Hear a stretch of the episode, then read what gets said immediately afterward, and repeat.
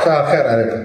زي ما وعدتكم هنتكلم عن كيف نتعامل مع التقلبات الاقتصادية سواء أنا كنت إنسان عازب متزوج أو صاحب. أول حاجة لازم نعرف نحن الناس كيف ممكن نصنفهم؟ هذول الناجحين اللي عندهم فلوس ثرياء أو غيرهم. وعلى أي أساس؟ تخيلوا معايا الناس في كل الكرة الأرضية ينقسموا إلى فئتين من ناحية القوة المالية. من ناحية القوة المالية فئتين. الفئة الأولى هم ألف اللي عندهم ملايين هم أصحاب ملايين أصحاب ثروات أصحاب أصول كبيرة. الفئة الثانية هم فئة الموظفين العاملين اللي هم مثلا زي اشتغل في شركة عشان يكون عندي راتب أصرف منه وأعيش طول الشهر. هذول هم أهم فئتين رئيسية اللي يشكلوا أي مجتمع وهم اللي يشكلوا كل سكان الكرة الأرضية.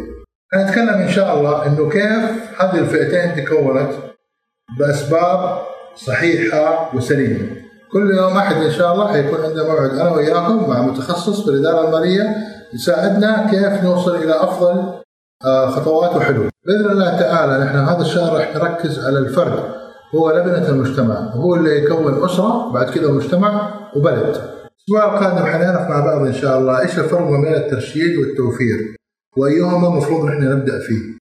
أبغى أرجعكم دحين لموضوع الفئتين ألف وباء حابين تكونوا من أي فئة أصحاب الملايين ولا من اللي زي كادحين؟ عشان نكون مثلا زي ستيف جوبز وبيل جيتس اللي حققوا هذه الثروات وعملوا هذه الشركات من الصفر مو صعب مو مستحيل. هل الفكرة هي أنه نعرف كيف أوفر وأرشد فقط؟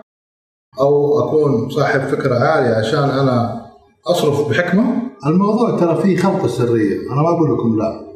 وفي التزام وفي أسلوب. وفي كثير أمور حنعرفها إن شاء الله بالتفصيل. بهذا الخبر وحقول لكم أول سر من الأسرار كيف أصحاب الملايين هذول وصلوا إلى هذه المرحلة بالفكر ولا بالتصرف؟ أنا أتكلم عن الفئة الأولى اللي أنا منهم. راتبي 10000 دولار في الشهر افترضنا. سيارة مدرسة سواق مقاضي مطاعم تماشي خلاص الراتب في ألف اللي هم أصحاب الملايين نفس الراتب 10000 دولار. عندهم نفس المصروفات يمكن أقل حاجة بسيطة بس الفرق بيننا وبينهم الفكر. أول خطوة سواها الرجال اللي في الفئة ألف قال راتبي مو 10000 برمج نفسه إنه راتبه 9000 وبدأ يوزع الراتب على المصاريف. أكيد أنتم اكتشفتوا الفرق معايا؟ باء صرف. قال إذا بقي شيء حيوفر. ألف. قال راتبي 9000 من البداية وزع مصاريفه يعني اخذ قرار بالتوفير هذه تكلمنا اليوم عن سر من الاسرار اللي إن شاء الله نقدر نطبقه أنا وياكم بإذن الله تعالى. وإن شاء الله تكون الإسلامات اليوم مفيدة. يعطيكم العافية.